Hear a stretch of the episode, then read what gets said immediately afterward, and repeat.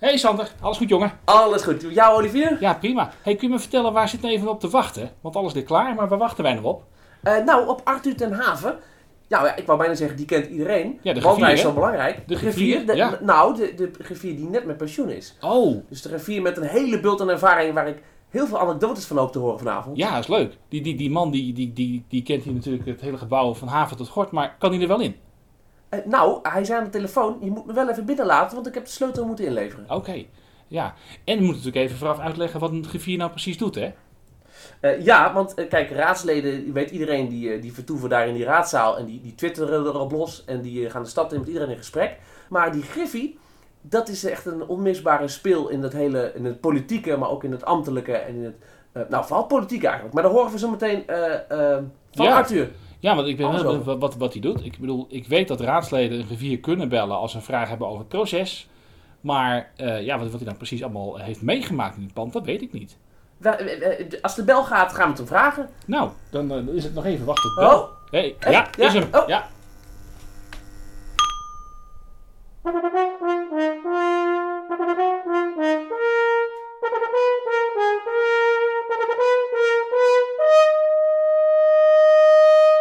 Sessie Sassenstraat, de podcast van D66 Zwolle. hoi Arthur. Welkom. Ik moet even, moet even wennen, zal ik maar zeggen, dat ik jou aankijk en dan denk van, oh, dadelijk ben ik ergens in beeld, maar gelukkig is dat niet zo. Hij ligt niet dankjewel. achter, de- Wel, achter het beeld, hè? Het Ja. is een podcast. Ja. Ja, nee, help. Nou, dat past misschien wel bij, eh, bij het, het griffierswerk om meteen met de deur in huis te vallen. Van heel belangrijk werk, maar niet altijd in beeld. Nee, en dat is eh, eh, werk wat ook wel ehm, bij mij in ieder geval eh, eh, goed past, maar het wordt verschillend ingevuld door griffiers. Ja, Er zijn een boel eh, eh, griffiers die, nou een boel, dat is niet waar. Maar ik ken in ieder geval een aantal griffiers die het prima vinden om meer op de voorgrond eh, eh, te treden. En ik heb dat zelf een stuk eh, minder. Het heeft ook te maken, denk ik, met het feit dat ik eh, in 2009 pas griffier ben geworden. En de griffierschap is ontstaan in 2002. Oké. Dus in 2002 kreeg de raad voor het eerst een griffier, ook bij de wet eh, afgedwongen. En eh, dat heeft ertoe geleid dat eh, een aantal griffiers toen zich ook moesten gaan waarmaken. Hè? Ja. Dus die moesten hun bestaansrecht gaan eh, eh, laten zien. En die hebben toen, eh, ja, die waren veel meer op de eh, trom aan het slaan, ook zelf, publiciteit zoeken enzovoort. En dat hebben, eh, nou ja, in ieder geval de griffiers die wat later zijn ingestroomd, een stuk minder. Dat geldt voor mij zeker, ja. Je ziet niet vaak een hè? Dat ze, Nee, want nee, als ik jou in beeld zie, dan zit je, althans zat je naast de wethouder en de burgemeester. Ja. Maar wat doe je dan precies? Nou, eigenlijk is het, een, eh, is het ontstaan, dus zoals ik al zei, in 2002. Toen is de wet dualisering gemeentebestuur gekomen. En eh, toen is eigenlijk eh, gemeenteland net zo georganiseerd als het op rijksniveau is. Dus in de Tweede Kamer, de Tweede Kamer en het kabinet, dat zijn twee duidelijk gescheiden eh, eh, werelden, zal ik maar zeggen. Nou, duidelijk gescheiden is niet waar. Maar in ieder geval hebben eigen verantwoordelijkheden en eigen bevoegdheden.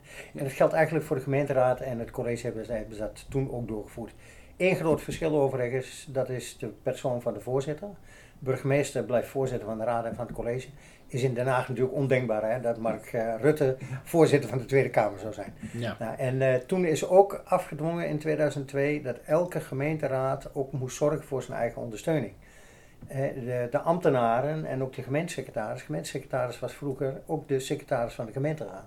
Ja. En in 2002 is dat veranderd en is er dus een griffier gekomen die secretaris is geworden van de gemeenteraad. Oh, kijk. En wat doen die nou? Eigenlijk zijn ze eh, in het leven geroepen. Het is overigens wettelijk verplicht, hè, die eh, griffierschap. Alle gemeenteraden in Nederland, hoe klein ook, moesten een griffier hebben. En de grote gemeenten hadden dan meteen een griffie met wat medewerkers. Maar wat doen die nu?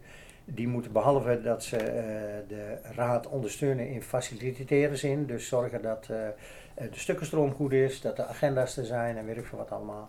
Moeten ze ook zorgen dat de raad goed gepositioneerd wordt, dat ze met de stad in gesprek kunnen.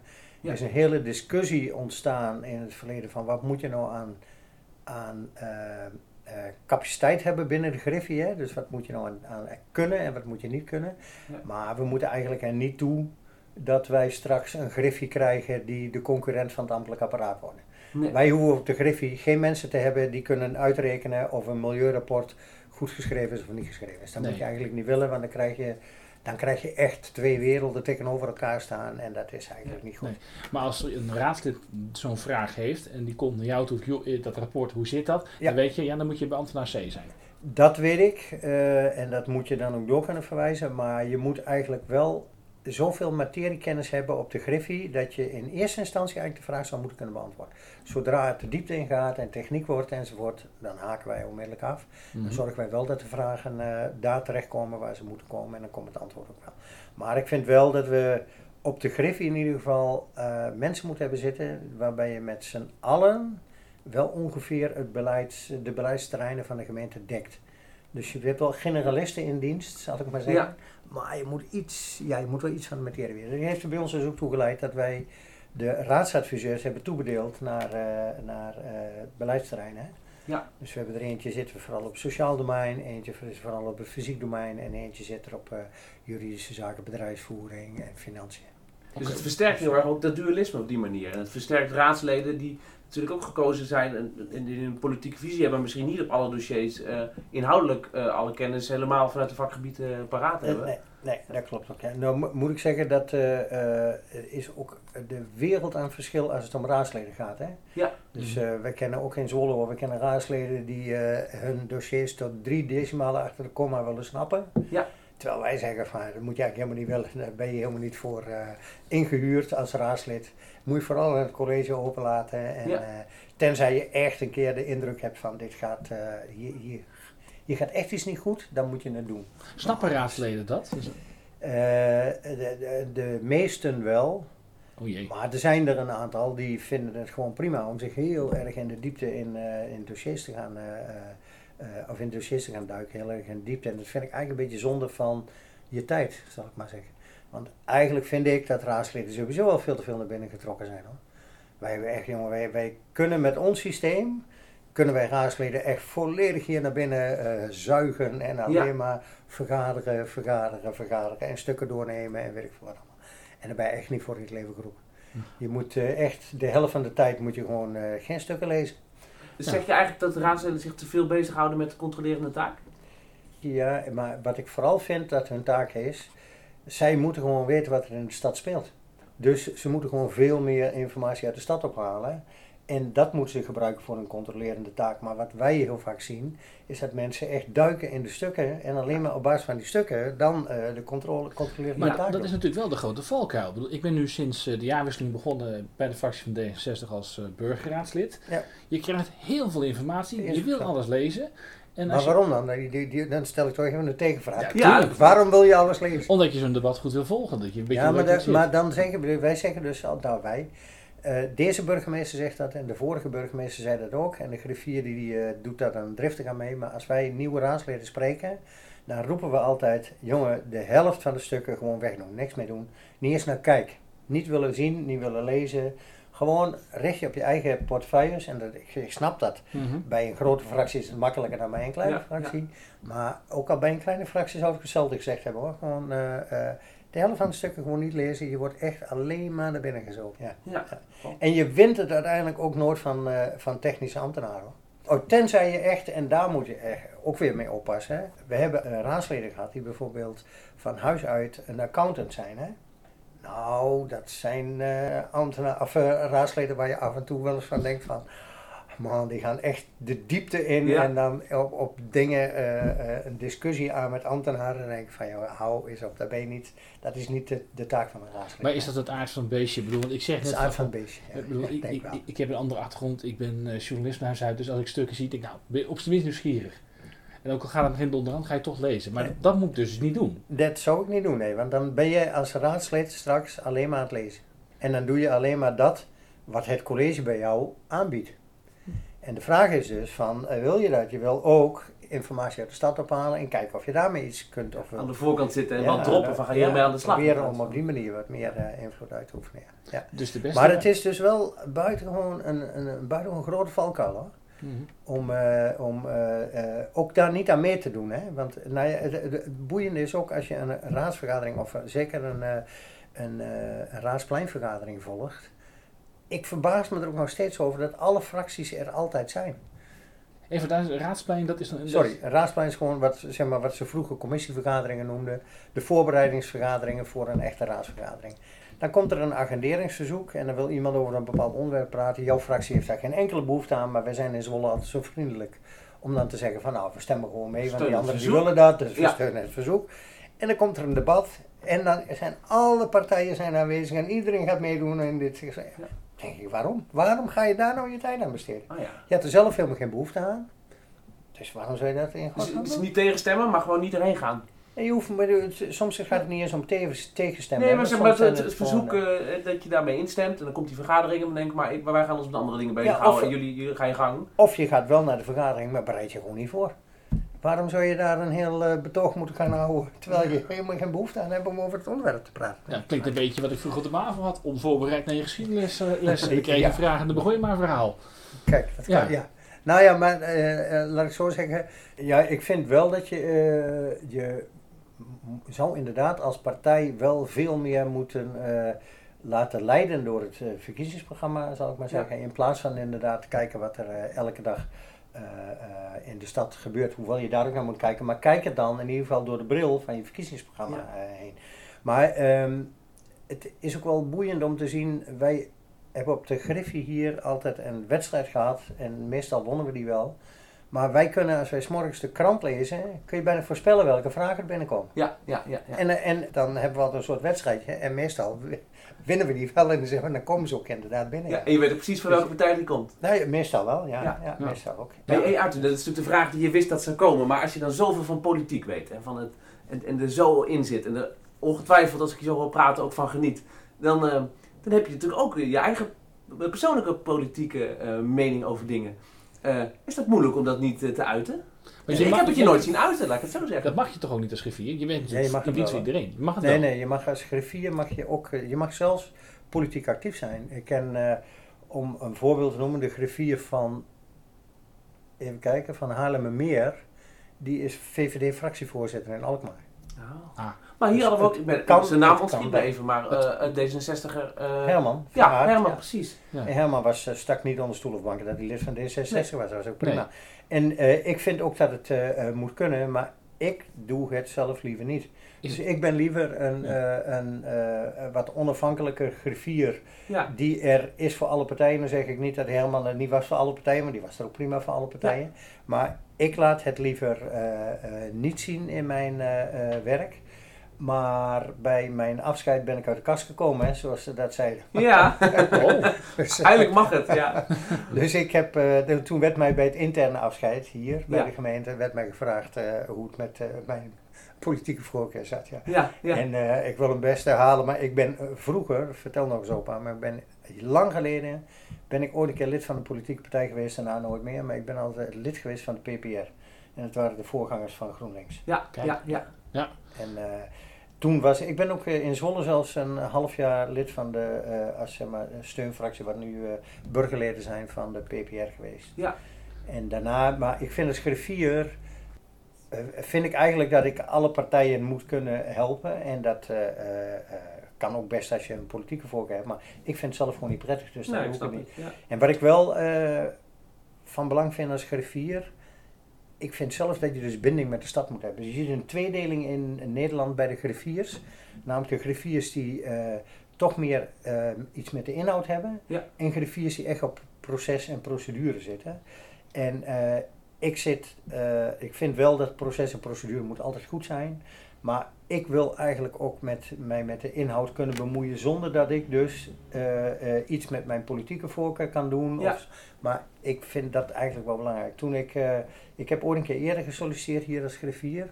En toen werd ik niet aangenomen en toen werd er een, iemand van buiten werd toen griffier. Dat ging na een half jaar eh, mis en toen werd ik alsnog eh, hier eh, benaderd. Ja. Maar in die tussentijd werd ik gevraagd of ik griffier in Almelo wilde worden. En toen zei ik van, nou ik vind het wel leuk dat jullie dat eh, vragen. Maar ik solliciteer niet meer, want ik wil niet in Almelo wonen. En toen zei dat bureau wat aan het zoeken was, ja maar het hoeft ook helemaal niet. Toen zei ik, Ja. ja dat vinden jullie. Maar ik vind dat wel een voorwaarde. Ah, ja. Ja. Kijk, als ik twee keer in de week op de voetbalclub ben, Of ik ben op de tennisbaan of ik loop in de speeltuinvereniging rond, zal ik maar zeggen. Dat soort Ja. Daar proef je zoveel, krijg je zoveel mee uit de stad. Ja. En dat vind ik dus eigenlijk, eigenlijk belangrijk. En hoe helpt je dat al- als griffier zijnde? Want dat helpt ons vooral om eh, ons, dat geldt voor de eh, anderen bij de Griffie ook, maar het helpt ons vooral ook om in te kunnen schatten van eh, waar zitten de gevoeligheden, zijn er onderwerpen die wij eh, wel voor gaan stellen in de agendacommissie om rechtstreeks te gaan agenderen, of dat we daar toch een, eh, eerst een informatieronde voor moeten houden. We Ja. voelen veel meer van, als er een informatieronde moet komen, welke mensen moeten dan ook uitgenodigd moeten worden, eh, worden en hoe benader je die dan enzovoort. Dus dat Ja. vind ik wel een groot, groot voordeel. Ja. En dan ben ik, moet ik wel weer zeggen, ehm, ik ben wel een enorm voorstander van dualisme, maar uiteindelijk gaat het er mij om dat er goede dingen voor de stad gebeuren. Ja. En of nou het college doet of de raad het doet, als je mij als, schri- nou, als griffier misschien niet, Ja. maar als je mij als persoon vraagt, dan zou ik zeggen van, het zal maar een worst wezen, zal Ja. ik maar zeggen. Maar je ziet dan Het ook soms dat dingen bijvoorbeeld niet goed werken. Maar goed, die, die Ja. wet is er, dat- de dualisme is wat het is. Ehm, maar probeer je dan, eh, je zei net al eh, heel veel voorbeelden hè, van, van moet je nou wel altijd, eh, zo'n agendering, moet je dan altijd aanschuiven, moet je alle stukken lezen. Maar probeer je dan ook actief daarop bij te sturen? Ja, maar ook daar weer zonder, eh, eh, zonder daar te dominant in te zijn, zal ik maar Ja. zeggen. hè. Dus ik probeer... de voorzitter is aan zet, dan ja, de burgemeester. Ja, nee, da- nou, die ook. Maar kijk, wij kunnen natuurlijk in onze contacten met raadsleden kun je wel een heleboel doen. Ja. En eh, dat gebeurt ook wel. Hè. Ik moet ook zeggen dat wij zo ontzettend erop vooruit zijn gegaan dat we hier een fractiehuis hebben. Ja. Eh, laagdrempelig, iedereen kan naar binnen lopen en dat gebeurt ook heel veel. Ja. Dus eh, we hebben heel veel contact ook met individuele raadsleden en in dat soort gesprekken komen dit soort dingen wel eh, heel erg aan orde. Ja. Maar ik zal het niet minder snel van de toren blazen, zal ik maar zeggen. Ja. En je ziet dus ook griffiers, nou, de, ik noem maar wat, die overigens buitengewoon eh, eh, goede griffiers zijn hoor. Een, een- stuk geleerder ook als ik, zal ik maar zeggen. maar als ik een griffier van, eh, eh, Alm- van eh, Almere kijk bijvoorbeeld, die dan Dirk Pruim is zelf van, ook een van de oprichters van de Vereniging voor Griffiers. Maar die heeft echt een duidelijke visie op hoe die vindt dat de dualisme moet worden ingevoerd.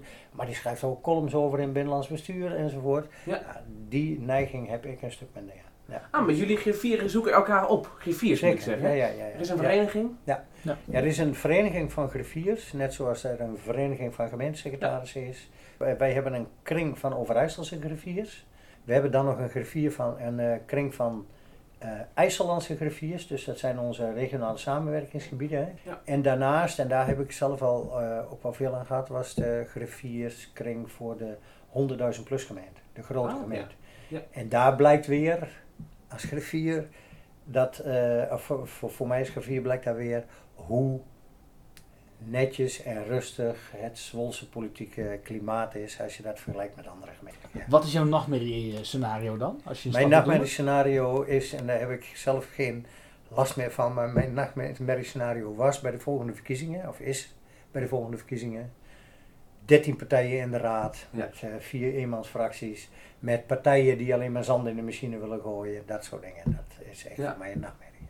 Maar dat is waarschijnlijk dat- het aantal eh, partijen. Wij zijn, wij zijn stad. de, de 100.000 plus gemeente met verre het kleinste aantal partijen. Ja. Als je kijkt naar Almelo bijvoorbeeld, dat is een stuk Ja. kleiner dan Zwolle, maar dan heb je 14 of 15 partijen in de raad zitten. maar die, die gingen ook nog wel afsplitsen tussen Ah, onderling. Nee, dus dat zou, mij, dat zou voor mij wel een nachtmerrie zijn. Ja. Maar niks is zeker in de politiek. Hè? En, nee. en we hebben natuurlijk ook tijdens de landelijke verkiezingen ook gezien dat er ook posters werden opgehangen van andere partijen. Dus we mogen echt niet uitsluiten dat er nog meer bij komt. Dat denk ik wel, ja. Ja. ja. het zou mij verbazen als, eh, eh, ik noem maar het Forum voor Democratie en misschien de PVV ook wel, hoewel Wilders eh, de vorige keer in 2018 niet heeft meegedaan, omdat hij gezien had dat er niet veel aanhangers had op landelijk niveau. bij Hmm. Dus het zou kunnen, maar ik sluit niet uit dat, die, eh, dat, dat soort partijen ook meedoen. Partij voor Ja. de Dieren, zou me ook niet Partij voor de. Dieren, Forum zal wel weer komen. Of Ja. hoe heet het, eh, ik bedoel, eh, Denk zal meedoen. Ja. ja. En nogmaals, ik doe geen waardeoordeel over dit soort partijen, want dat is allemaal prima. Maar ik ben wel een, een eh, tegenstander van die enorme versplintering. Dus ik, het is wel, er zitten, daar zitten ook weer haken en ogen aan, maar ik ben wel voor ophoging van de kiesdrempel. Hoor. Oké. Ja. Ja. Dus eh, ik denk echt in Nederland, jongens, wij hebben echt aan vijf partijen, eh, nou zes misschien, maar daar hebben we genoeg aan. Ja. Hoe lang heb je nou hier voor de gemeente gewerkt? Wanneer ben je begonnen? Eh, de, de- het eerlijke antwoord, wat veel mensen dan zeggen, is veel te lang. bij de gemeente.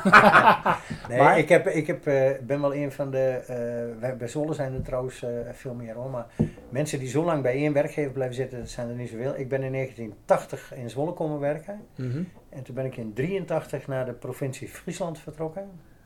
En terwijl we hier bleven wonen. En in 86, toen waren onze kinderen heel klein. En toen dachten we, toen kregen we, kregen we ons derde kind. En eh, dat kostte allemaal thuis veel tijd. Toen dacht ik van, we wilden niet in Friesland wonen. Toen dachten we, we moeten weer terug. Toen kon ik toevallig weer terugkomen bij de gemeente Zwolle. En daarna ben ik nooit meer weggegaan. Tien jaar, ik ben eh, ruim tien, twa- bijna twaalf jaar griffier geweest. En daarvoor, in het kader van dualisme is dat helemaal niet logisch, maar daarvoor zat ik tien jaar lang bij BMW aan tafel. Dus eh, dat is op zich ook eh, bijzonder natuurlijk, hè, dat je die overstap maakt intern van Ja. De ene kant naar de andere kant. Maar dat En hoe oud was je toen jij begon in 86? Toen ik in 86 begon, hoe oud was je toen? Goedemorgen, dan moet ik rekenen. Ja, ja, ik ook. Ik was toen 9. En jij, Sander?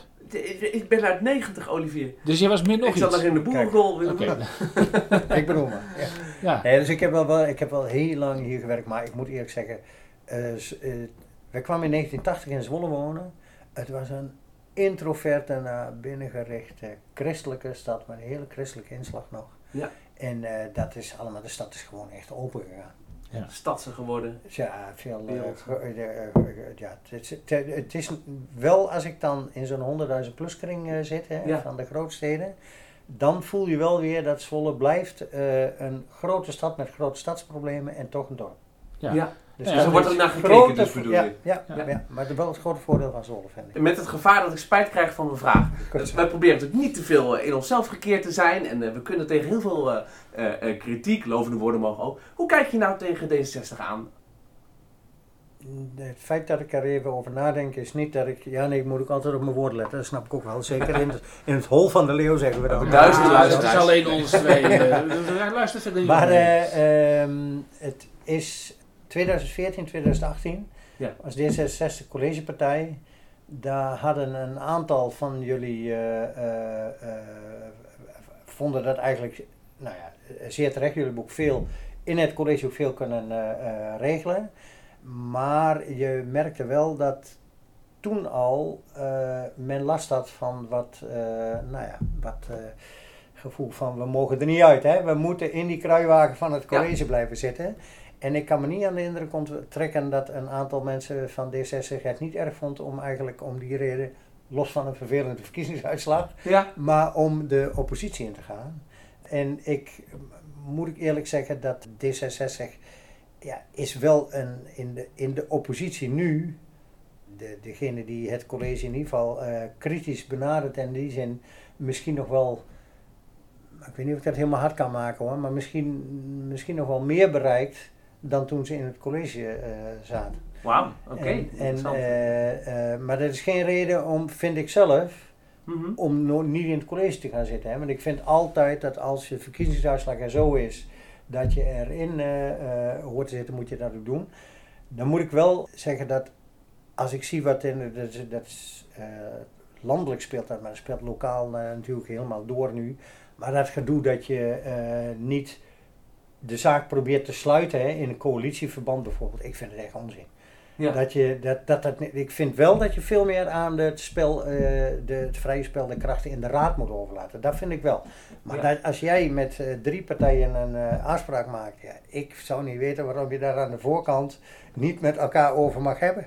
Ja. heb ik Niet meer van wat van mag vinden en dat ja, mag uiten. Dat vind ik echt, echt onzin. Maar ik vind dus dat de, mij valt de, de periode nu op dat ik vind dat D66 veel meer zichtbaar is dan in de collegeperiode. Dat valt mij op, maar dat vallen, eh, valt wel meer meerdere mensen op.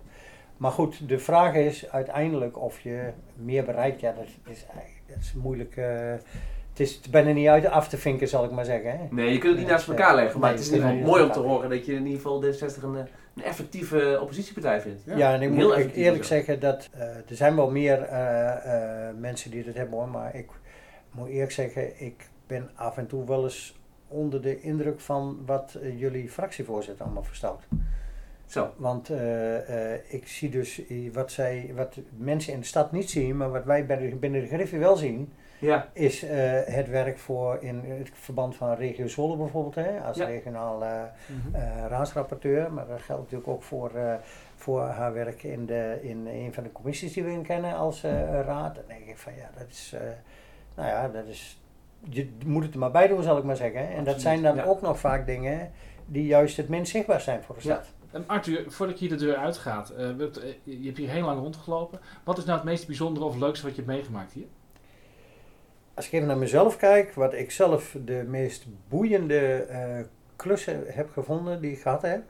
Dat was, ik ben drie keer eh, eh, ambtelijke ondersteuning van de collegeonderhandelingen geweest. Oké, wat betekent En- dat precies? Want dan... Ja, de collegeonderhandelingen is dus als na de verkiezingen er zeg maar een informateur wordt aangesteld en die moet eens gaan kijken van, nou wat doen we nou met deze verkiezingsuitslag? Welke partijen brengen we bij elkaar? Wie gaat het college in? En ook vooral, het boeiende vooral is dan natuurlijk als het over de poppetjes gaat, dat is helemaal eh, boeiend.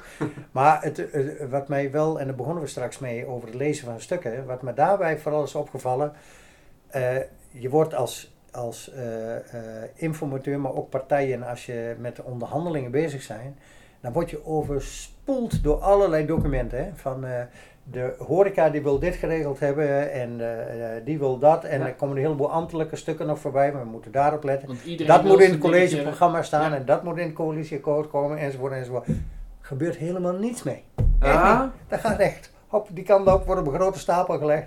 En we gaan gewoon met z'n allen verder zitten praten. En we gaan met z'n allen eh, dat dat willen we zelf. ik zeg Ja. niet dat individuele onderhandelaars er misschien niks mee doen, maar in zijn totaliteit. En wij als ambtelijke ondersteuning en met zo'n informateur erbij of met een formateur erbij, daar gebeurt helemaal niks mee. Echt niet. Dus al die lobbyorganisaties die brieven sturen, bellen, Ik- twitteren, ik- mailen. Ik zeg niet dat het individueel dus misschien geen effect heeft, maar in het totaal Het gebeurt het echt. proces dus niet.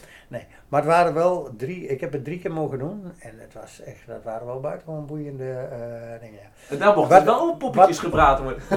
En wat overigens eh, eh, heel erg veranderd is, vind ik zelf, hier is de toegankelijkheid. Eh, toen ik hier eh, nog niet, toen mijn kinderen nog heel klein waren, laat ik het dan zo zeggen, ging ik 's morgens voor mijn werk altijd eh, over de markt heen op vrijdag. En dan Ja. kwam ik met twee boodschappentassen vol met broodjes, appels en werk voor wat allemaal. Die zette ik boven ergens op de kamer waar wij aan werkten. Nou, en in de loop van de ochtend was mijn oudste zoon, die was inmiddels een jaar of acht of zo. Die kwam dan gewoon het stadhuis binnen gewandeld, die liep naar boven toe, haalde die twee tassen op en liep weer gewoon naar buiten toe. Niemand Dat is nu ondenkbaar. Dat is nu echt ondenkbaar, ja. We hebben allemaal van die, van die, van die, van die sleuteltjes. Je kan er niet eens meer in. Als je heel veel jaar Ik hebt bedoel gewerkt, dan moet Sander de deur open doen. Ja, nee, ik bedoel maar, ja. Ja, ja. ja. Dus eh, dat is wel een eh, heel groot verschil met vroeger. Ja, ja, Ja. dat is wel waar. Ja, ja. Maar goed, eh, ja, voor de rest, eh, ehm, nou, ik heb niet zo heel, nou dat is niet waar. Ik heb vijf burgemeesters meegemaakt. Mhm. Vijf, zo. En eh, eh, daar, nou, daar waren er twee bij die niet zo lang zijn gebleven, Loek Hermans en Jan Fransen. Mhm. Eh, maar bij die twee merkte je nog wel, en dat was bij de anderen een stuk minder. Ehm, dat waren wel echt waren goede burgemeesters, allebei, vond ik wel. Maar die wilden wel wat te snel met de stad. Oh, oké. Dus wat je in Zwolle wel merkt, vind ik, dat zal bij de schaalsprong straks ook spelen. Hè. Je moet wel zorgen dat je de stad meeneemt. En de stad heeft gewoon tijd nodig.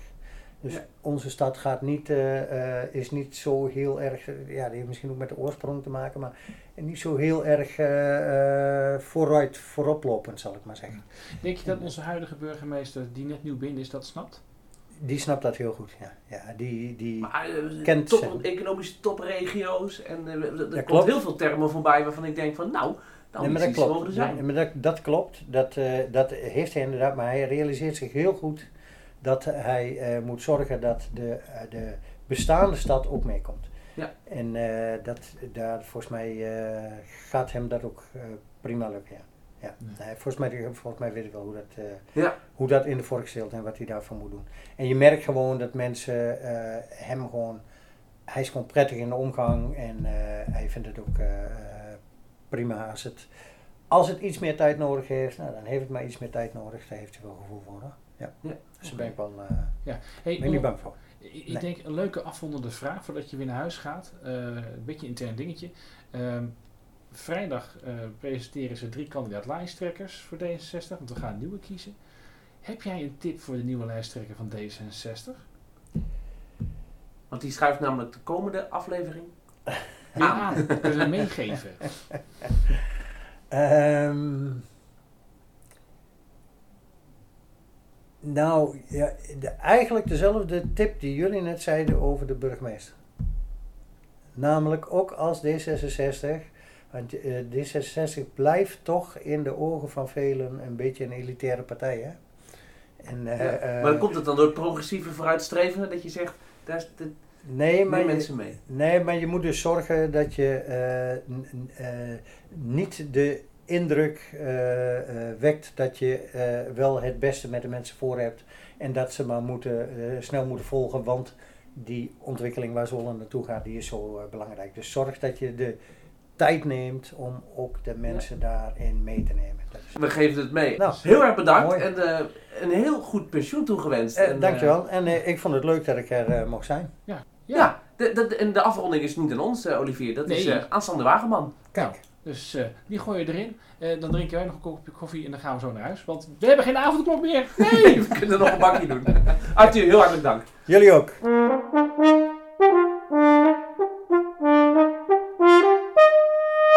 Wat vinden we er eigenlijk van?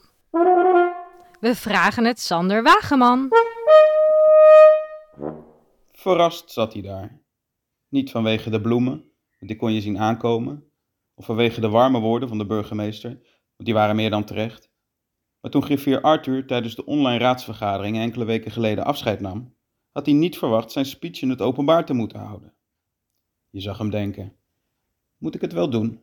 Ben ik niet te streng voor deze of gene? Kom ik na al die jaren nu op mijn laatste dag in de problemen door wat ik ga zeggen? Maar hij zei het toch. En gelukkig maar.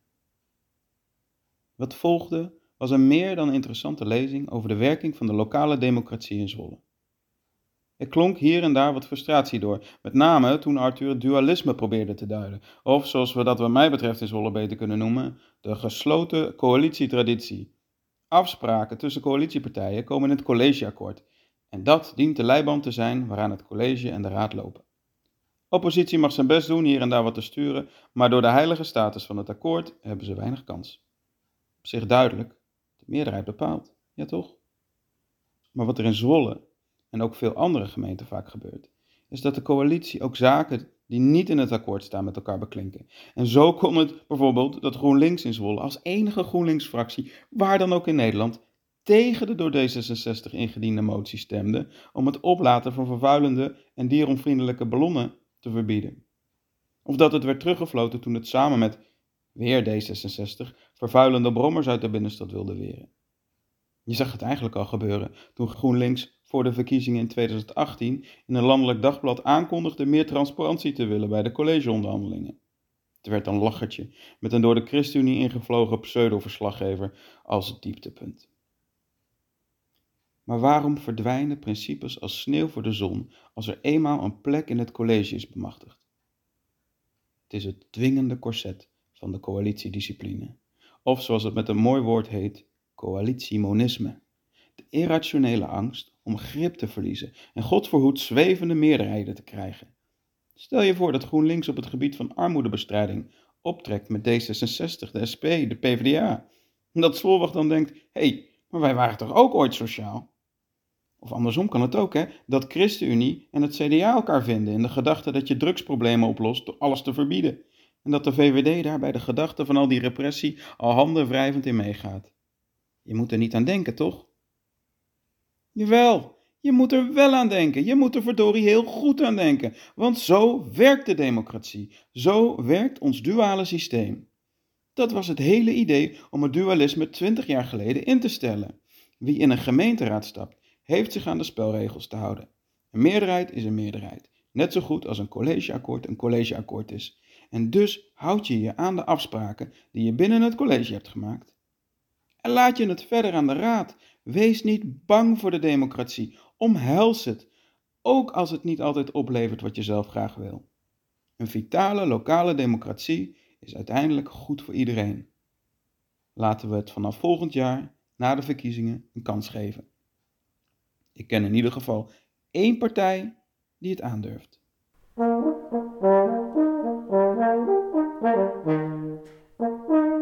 Dit was Sessie Sassenstraat, de podcast van D66 Zwolle. Vragen, opmerkingen, mail naar secretaris.d66zwolle.nl